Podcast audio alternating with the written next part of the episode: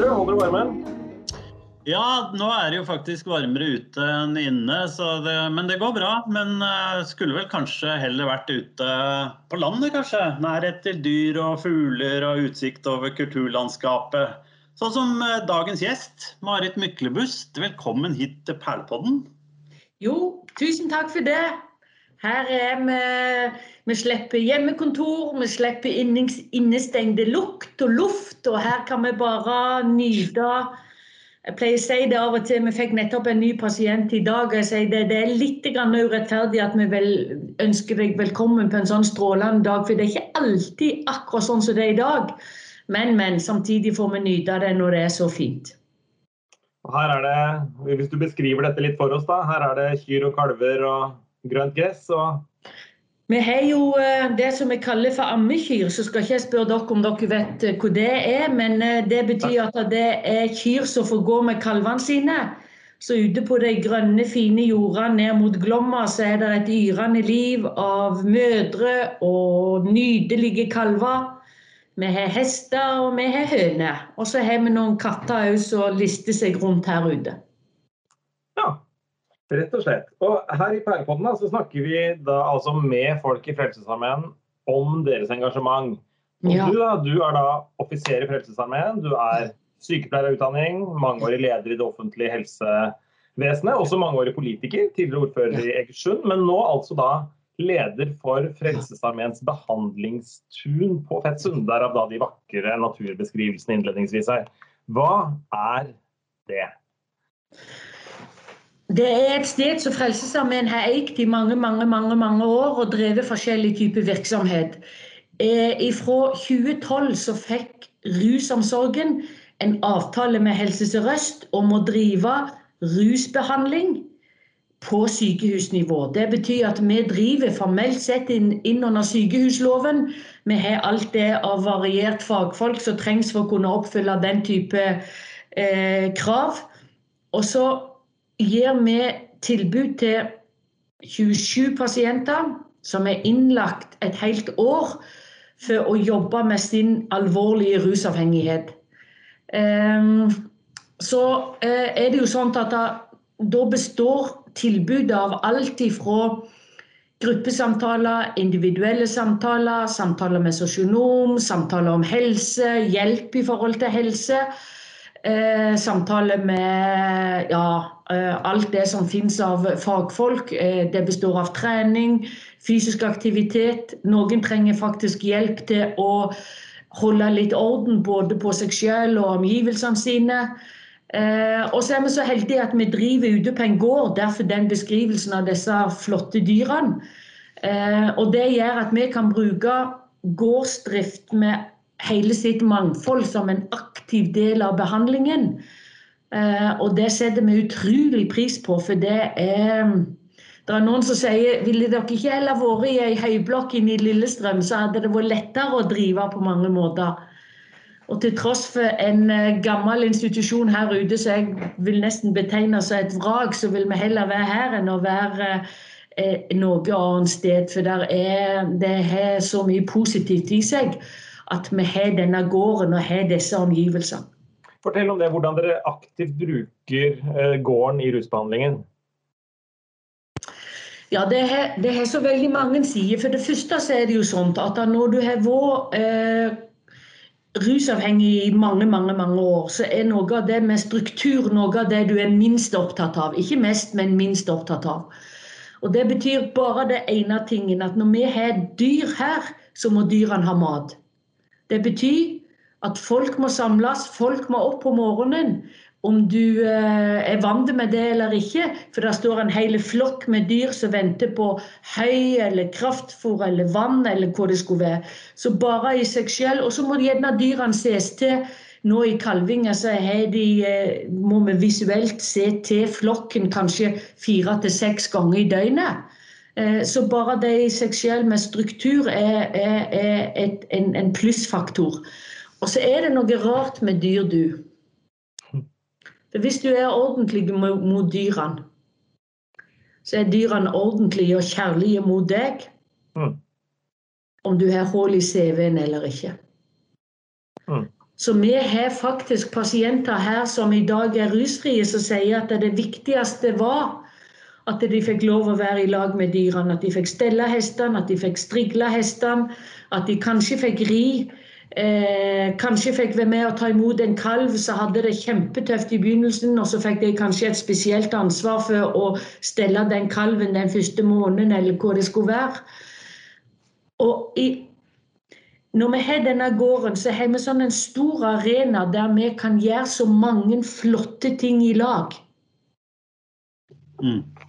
Og det er Ja. Jeg er så veldig opptatt av at selve helsevesenets struktur, så ligger der en så stor gap Det kan ligge sånn et stor gap i forhold til makt. Det er vi som kan tildele hjelp, vi kan trekke ifra hjelp. Vi har en type kunnskap som vi kan slå i bordet med.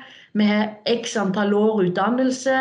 Eh, sånn at eh, når, når pasientene gjerne har levd et helt liv med så lite selvtillit, så er det helt essensielt hvis vi skal lykkes for å få folk til å rette ryggen og bli stolte og kanskje til og med glade i seg selv, det er at de får en opplevelse av at de menneskene de møter, at de blir møtt med respekt og en slags likeverdighet. og det jeg vet det at det er så lett å si, for det ville jo alle sagt. Men vi har her en unik mulighet til å vise at vi mener det, for vi lever det ut sammen.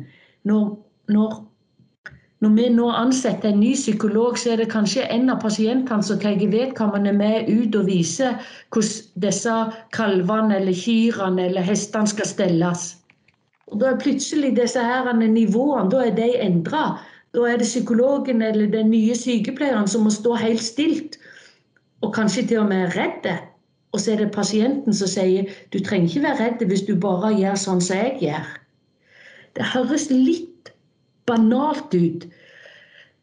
Men det er altså så utrolig viktig. Og vi har tusen anledninger i løpet av en dag til å oppnå akkurat sånn noen flotte gylne øyeblikk. Men Blir dette da på en måte et felles prosjekt? Altså jeg har hørt du har snakket om at uh, du er OK, jeg er OK. En, en livsanskuelse hvor man på en måte er felles og sammen om noe? Ja, det er det. Det er det. Og så er det det for meg at når en sier det, så er det sånn at jeg har så lyst til at de som jobber her, og pasientene, og kanskje til og med dere, skal kjenne hva det betyr. Jeg er OK, Andrew, og du er OK. Det betyr at det er forventa at du behandler meg OK, og jeg skal behandle deg OK. Det var noen som sa i gang i en sånn sammenheng. De hadde så lyst vi skulle lage et svært dokument som sa noe med noen sånn faglige ord. Hvorfor en faglig plattform vi bygde vår behandlingstilbud på. Og Da hadde jeg lyst til bare å skrive det. Du er OK, jeg er OK. Men Betyr det noe spesielt her at det er Frelsesarmeen som driver dette stedet? Dette er jo egentlig en offentlig oppgave. Kunne ikke Helse Sør-Øst gjort det selv? Jo, Og de gjør det jo sjøl, mange plasser. Mm. Um, og så er det sånn at innenfor rusfeltet så er det en lang tradisjon på at ideelle organisasjoner, ikke så mye vanlige kommersielle organisasjoner, men ideelle organisasjoner har, har alltid på en måte nesten vært i førersetet når, når, det gjelder tilbud til folk som sliter med rus. Um, og jeg har et inderlig tro på offentlig helsetilbud. Jeg har jobba der det aller, aller meste av livet. Mm. De aller, aller fleste av folkene der de er like dedikerte til sin oppgave som det vi er til vår oppgave. Det er viktig for meg å, sagt, å få sagt. Likevel så har jeg altså gått ifra det offentlige og sagt at jeg kan ha lyst til å jobbe i Frelsesarmeen, og så fikk jeg jobb. Og så sier vi nå at han, eh, vi kan til og med få et anbud innenfor helse, spesialisthelsetjenesten og så drive et sykehus. Hva er det som gjør det spesielt? hvis ikke vi kan svare på det, så kan vi jo kan vi jo nesten ikke Vi kan ikke bare si det ja, for det er Frelsesarmeen, og de er jo så gode. Eller snille, eller et eller annet. Og så er det det at vi kan, vi kan nok si noe som jeg tror er litt spesielt her. Men så kommer vi ikke utenom at det er nok nesten en liten sånn en X-faktor som ikke jeg har så veldig mange ord på, hva som gjør at jeg håper og jeg ønsker så at det skal være litt spesielt her ute. Men vi kan jo ikke stelle kyrne på en litt mer kristelig måte.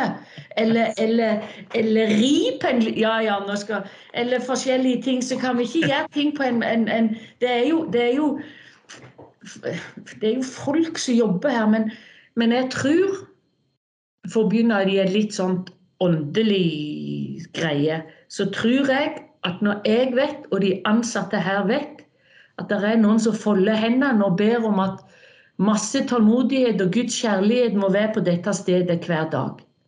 Så tror jeg at det gjør noe med oss. Og så tror jeg at eh, vi kanskje tårer å snakke litt mer om verdier. Eh, vi bruker ordet kjærlighet. Jeg er ikke så sikker på når jeg jobba forbi fylkeskommunen at vi brukte ordet kjærlighet. Jeg kan iallfall ikke huske det. Eh, så kanskje Tåre må være litt nærere noen av disse her, eh, verdiene. Som ikke er fremmed for, en offentlig helsetjeneste, men vi tårer kanskje holde det litt høyere. Og så har vi òg et helt uttalt tilbud i forhold til når mennesker ønsker å snakke om tro. Det være seg vår tro eller en annen tro. Så legger vi selvsagt til rette til det. Ja, hvordan skjer det? Fortell hvordan, det, hvordan omgår man den uh, dimensjonen i tilværelsen? Ja, for det første så er det sånn at det, det, alle pasientene her vet at det er Frelsesarmeen som driver det. Så de vet at, med, at når de er her ute, så vil de få tilbud om til å bli med på samtalegruppe eller, eller um, gudstjenester eller Og vi har valgt å ha ingenting av det inne på institusjonen. Vi har alltid Lillestrøm, der Frelsesarmeen har et korps. Det syns vi er sunt og godt. Da kommer vi oss ut herifra. Og da er det da leder meg og Bente Gundersen ei samtalegruppe, og vi har gudstjenester osv. osv. Da er det alltid pasienter som vil bli med, og det er alltid pasienter som er helt uinteresserte i det, og alt er like greit. Men tilbudet blir gitt. Det er helt naturlig at tilbudet kommer. Og så hender det jo selvfølgelig at det er pasienter som eh, tilhører en annen type tro, og da legger vi til rette for det. Mm. mm. Hva med de ansatte? Har det noe å si når du skal rekruttere, eller hvordan rekrutterer du? Vi rekrutterer bare de beste. det høres godt ut. Ja, det er for ingen av oss jobber der, altså. Ja, vi Du hører jo at av og til når, når dere gir meg eh, muligheten, så høres det ut som ordene faller så lett, men det er mye alvor bak det vi sier, og òg i forhold til ansettelser. Ja. Men jeg både når vi starta Gatehospitalet eh, i 2004, da vi ansatte en haug med folk, og her ute var det lukka låst, og vi ansatte en haug med folk. Da har det alltid vært viktig for meg som en type daglig leder, eller hva en skal kalle det, til å få være med på alle intervju. Vi må se folk, vi må snakke i lag. Vi må prøve å gi et lite bilde av sånn som jeg har prøvd å gjøre litt for dere her. Hva er det vi holder på med her ute? Og så er det med tro. For det første så er det sånn at jeg har nok en opplevelse av at alle mennesker i hele verden som er med på å gjøre gode ting og ønsker å gjøre gode ting. Det er ikke sikkert de er klar over det, men i mitt hode er det sånn at jeg tenker de er med på en gudstjeneste. De er med på en tjeneste for Gud, for de gjør gode ting.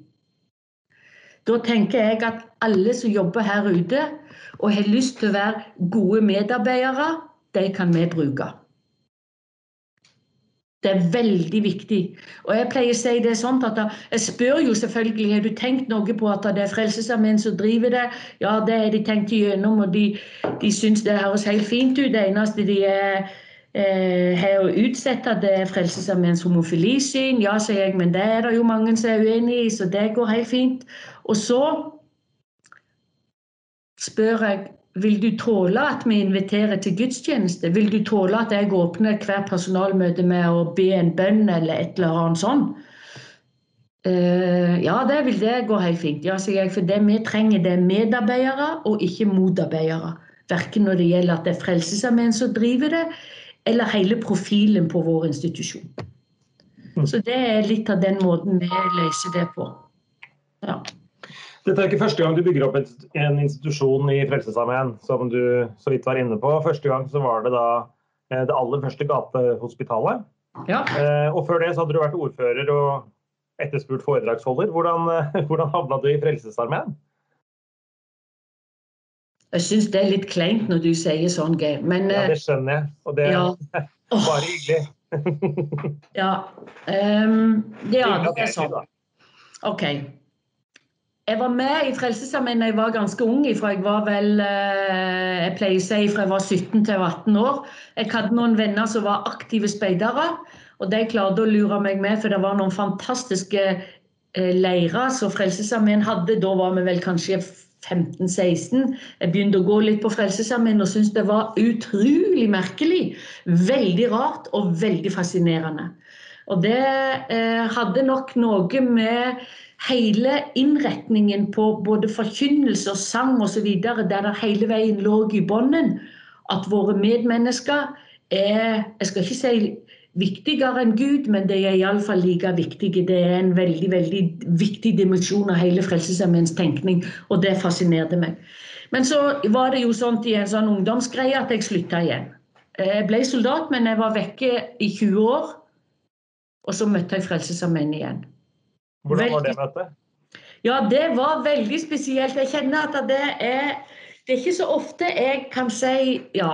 Jeg var og skulle holde et foredrag på en eh, kvinnekonferanse, en landskonferanse i Stavanger, der det var kvinner i forbi næringsliv og politikk. Og på et eller annet merkverdig vis der hadde Frelsesarmeens kvinner òg en stand.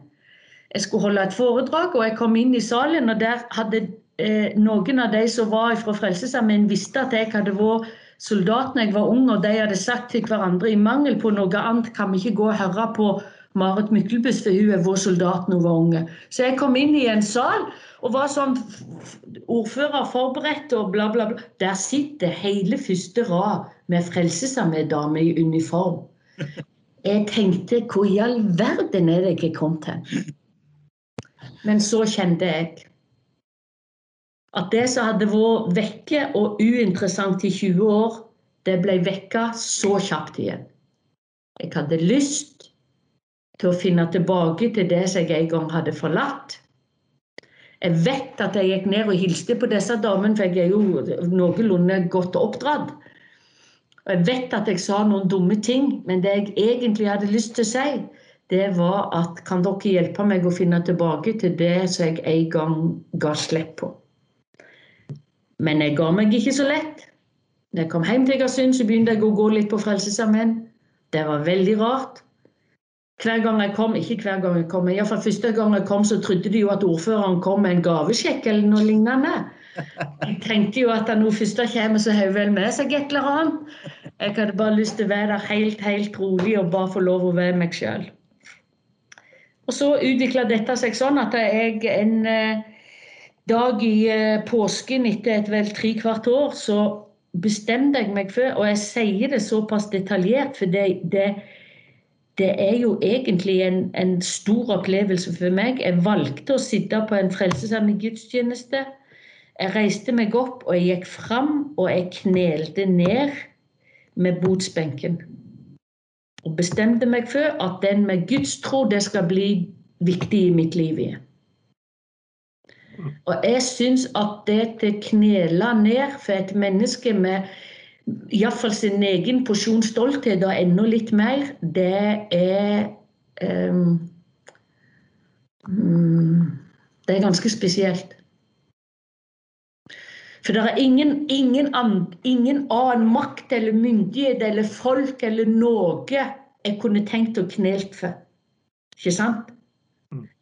Og så er det likevel i noen av livets øyeblikk så ser en at det er en makt eller det er en kraft, eller for meg så er det Gud som er så store at jeg er villig til å bøye mine kne. Så var det jo en annen dimensjon òg på dette, for jeg visste at dette kommer til å bli tjatra om på byen neste dag. For Egersund er ikke større enn at når de visste at ordføreren hadde vært på Frelsesarmeen og gått fram, så ville det bli en tjatregreie, men jeg tenkte det får bare så være. Jeg får tåle det. Og så var det valg, og så ja. lukka, lukka noen dører seg, og andre åpna seg? Ja, det stemmer. Eh, det var valg, og mitt parti og mine samarbeidspartnere vi tapte, og noen andre overtok.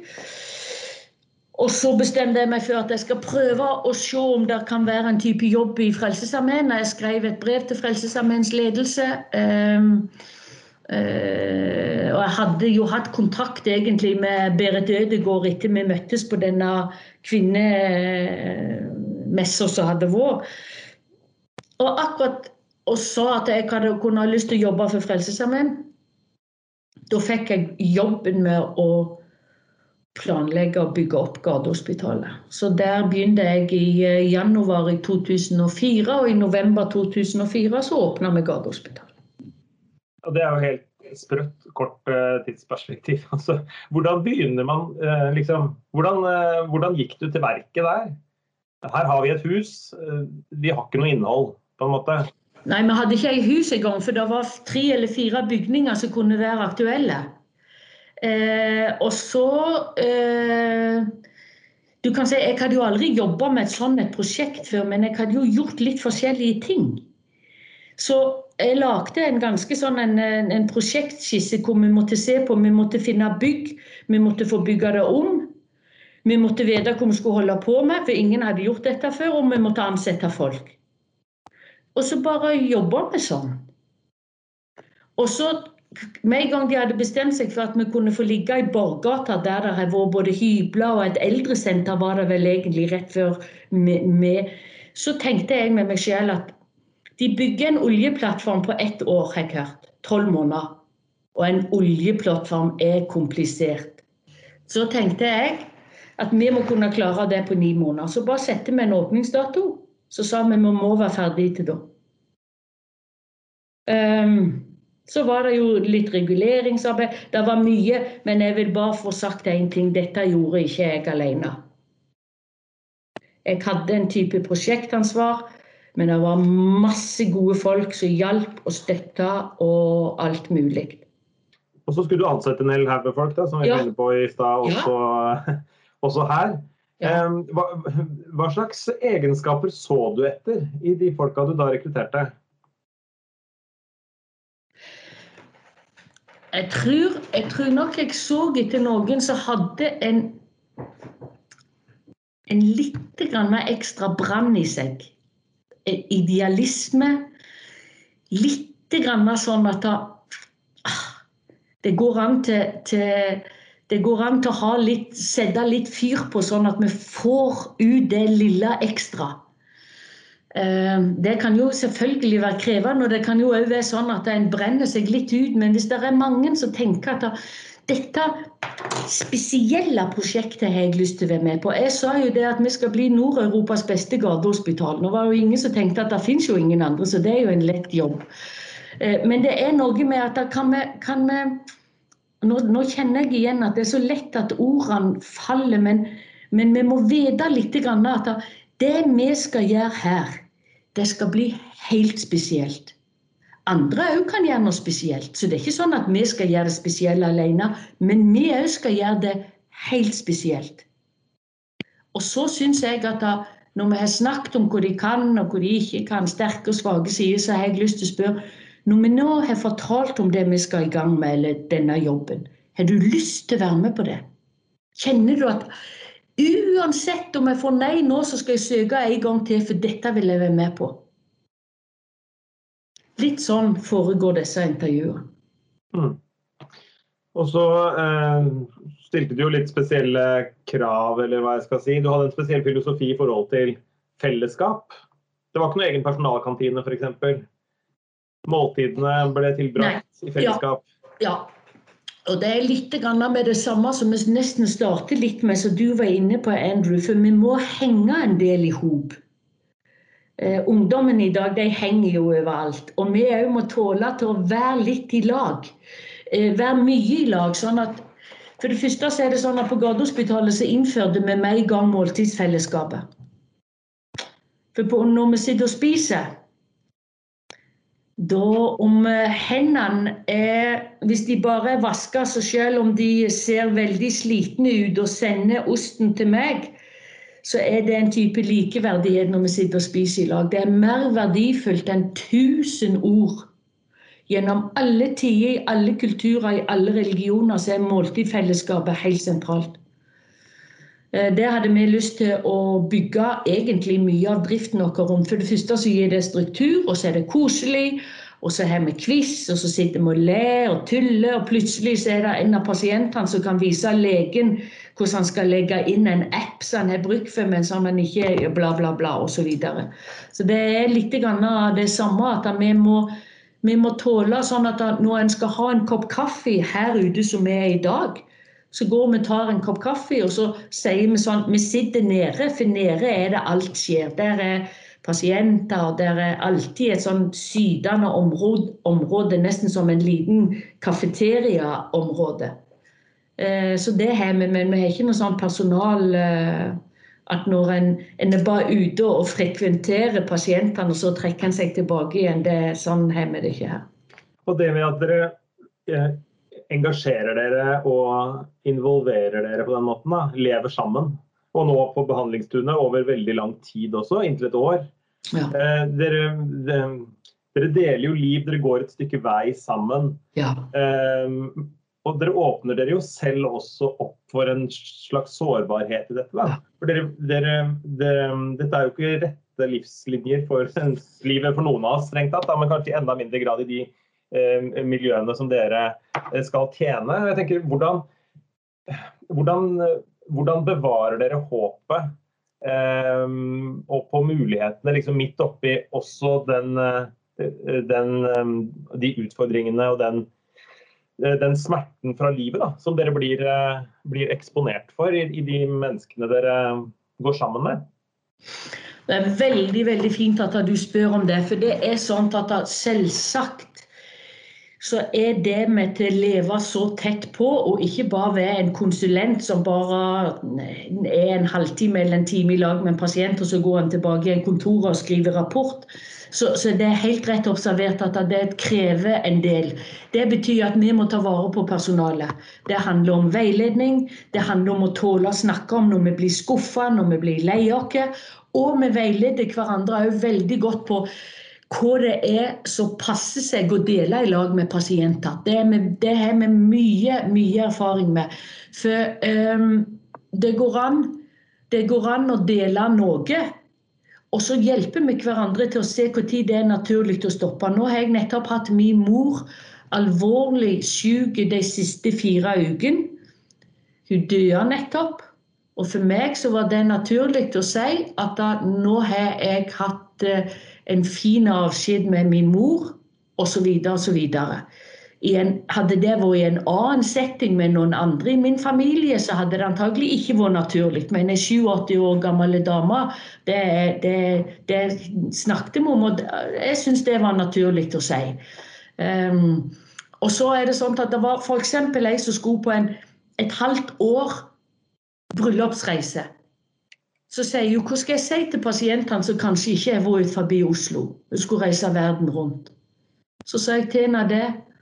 Du skal si at du, dere har spart i lang, lang tid, og nå skal dere på deres livsreise. Og så kan du nevne et par av reisemålene. Men du trenger ikke si at dere skal ligge på luksushotell, og dere trenger ikke si hvor mye champagne de skal drikke, osv. Så, så, videre. så bare det når vi bare skjønner at vi kan være litt i forkant, så hjelper vi hverandre. Så veileder vi hverandre i forhold til dette. Men det er klart at vi, du kan ikke jobbe her hvis ikke du tåler å bli forferdelig lei deg. Men beina bærer likevel. Og vi kan ikke late som at nå har alle pasientene fått nye venner, og det er personalet på behandlingstunet. Så det er noen grenser her. Men samtidig er det viktig at vi gir litt. Hvordan, hvordan jeg har tenkt mange ganger for min egen del hvem ville jeg snakket med i fortrolighet hvis ikke den andre òg ga litt? Mm. Ja. Og så når du da har vært med å etablere og drive et gatehospital i Frelsesarmeen som såkalt sivilt ansatt, så finner du ut at du skal begynne på Frelsesarmeens offiserskole. Ja. ja. Hva i all verden tenkte du på da? Ja, det var veldig det, jeg hadde jo brukt ganske mange år, eller fra 2003 La ikke si jeg begynte å være med i Frelsesarmeen da. og Så begynte jeg på offiserskolen sånn smått i åtte og tok de fleste fagene i ni Nei, jeg begynte vel i ni, 2009. Mm. Og, jeg, og det som var så morsomt, det var at alle som jeg snakket med det om, offiserer og alle, de var helt enige i at Marit, du Jeg skal ikke si bør ikke gå på offiserskolen, men det er iallfall helt unødvendig. Du er for selvstendige, du, du vil ikke passe inn. Hvordan skal du ta imot en ny ordre? Osv. osv. Ja. ja. Jeg tenkte økonomi. Ja. Og så merka jeg det, Andrew, at når jeg var på noen gudstjenester, og det ble litt sånn nært jeg vil ikke bruke sånne store halleluja-ord, men når det ble litt nært, og jeg kjente at nå ble jeg litt stille, ble litt berørt, så kjente jeg at jeg skrudde rett av. Da gikk jeg over til å ta den og bare sitte og betrakte og lure på hva skjer nå, og når er vi ferdige. Da ante det meg at det er nok kanskje en plan som er større enn det jeg sjøl holder på med. Mm. Og så fant jeg ut at hvis jeg skal være sammen mot meg sjøl og den den opplevelsen av at det er noe som er større enn oss sjøl, og som har en større plan enn oss sjøl, så må jeg òg bare gi meg på det. Så jeg søkte offiserskolen, ble antatt. Tok den samtidig som jeg var leder på Gardehospitalet. Og til min store overraskelse så var det helt fantastisk. På hvilken måte da? Jeg trodde nok du hører jo det når jeg snakker, så kan det virke som at jeg er både at jeg har all verdens mot. og at jeg, det er nesten sånn at I min natur så er det nesten sånn at jeg ville sagt at jeg er kristen, og Gud er med på mitt lag. Mm. I plassen for at det er jeg som i all ydmykhet kan få lov å være med på hans lag. Det opplevde jeg på offiserskolen i en veldig sterk grad. For det første så lærte jeg mye. Jeg trodde jo i min overdimensjonerte ego så trodde jo jeg jeg kunne alt. Jeg trodde jeg var ferdig danna. Og så var jeg ikke det. Jeg lærte mye. Jeg lærte mye om meg sjøl. Jeg lærte mye om kristen tro. Jeg lærte mye om uh, dannelse. Jeg lærte mye om ydmykhet. Og jeg håper jeg aldri slutter å lære om det. Og hvordan har du hva har det gjort for deg i, i de arbeidsoppgavene du står i? Hva, hva, tar du med deg derfra, eller hva har endret deg, kanskje, i, i arbeidet? Jeg tror kanskje jeg fikk en litt større forståelse av både troens betydning for mennesker som har interesse av det. Og så tror jeg nok at jeg fikk en litt annen type både frimodighet og ydmykhet på samme tid. Eh, der, der det til å eh, være Jeg skal si noe som blir fryktelig kristelig, men, men, kanskje kan det gi litt mening likevel. Hvis jeg er på vei ut på arbeid, og så kan jeg sende en tanke til Gud og si Hjelp meg til å se det du vil jeg skal se i dag. Eh, så tror jeg offiserskolen har gitt meg en trygghet som er litt mer sånn at jeg tør å be den bønnen eller sende den tanken eller gjøre den refleksjonen. Ja. Ja.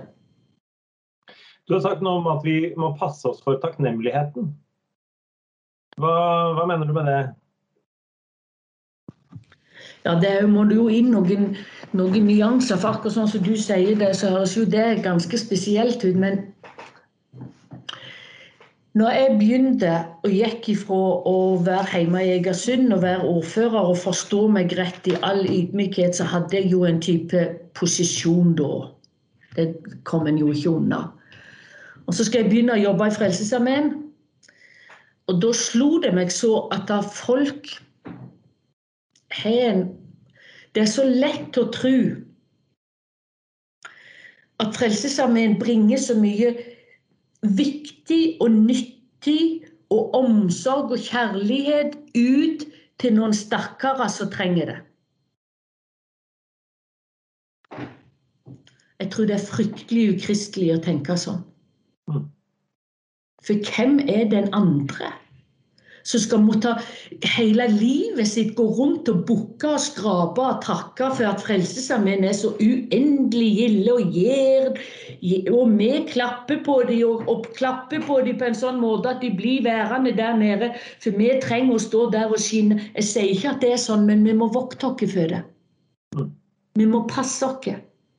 Vi må passe oss. For den ene dagen så er jeg heldigvis så sterk at jeg kan være den som du støtter deg på. For nå er du kjempelei deg. Neste dag så håper jeg at det er noen der for meg når jeg kan trenge det.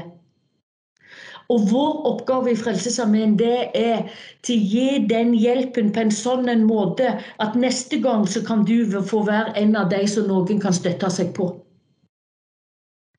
Jeg vet Frode Voldsund sa i gang den kjente historien fra Bibelen der det er en som har sløst hele arven sin, og så er han i grisebingen. Og så kommer han seg til sans og samling, og vi må vokte oss for at ikke vi bare gjør på en sånn en måte at folk skal bli værende i grisebingen, og så skal de takke Frelsesarmeen for en kommer der med klær og mat og forskjellige ting. Og det er, I kommunikasjon så er det, tenker jeg, det er en hårfin balanse. For det er så fort gjort at vi stakkarsliggjør folk. Mm. Og jeg liker det så dårlig. Mm. Jeg liker det så dårlig. Ja og gi hjelpen på en slik måte at neste gang er du en av dem som noen kan støtte seg på. Ja. Bra, bra, sagt, Marit. Og du har også gitt oss en fin eh, bønn eh, på vei ut i hverdagen igjen. Hjelp meg å se det du vil at jeg skal se i dag. Tusen takk for at du eh, tok deg tid i en eh, grønn og frodig eh, og mangfoldig arbeidshverdag for å være sammen med oss her i Perlepodden. Takk for det. Takk for å bli invitert. Han skal åpne perleporten, så at jeg får komme.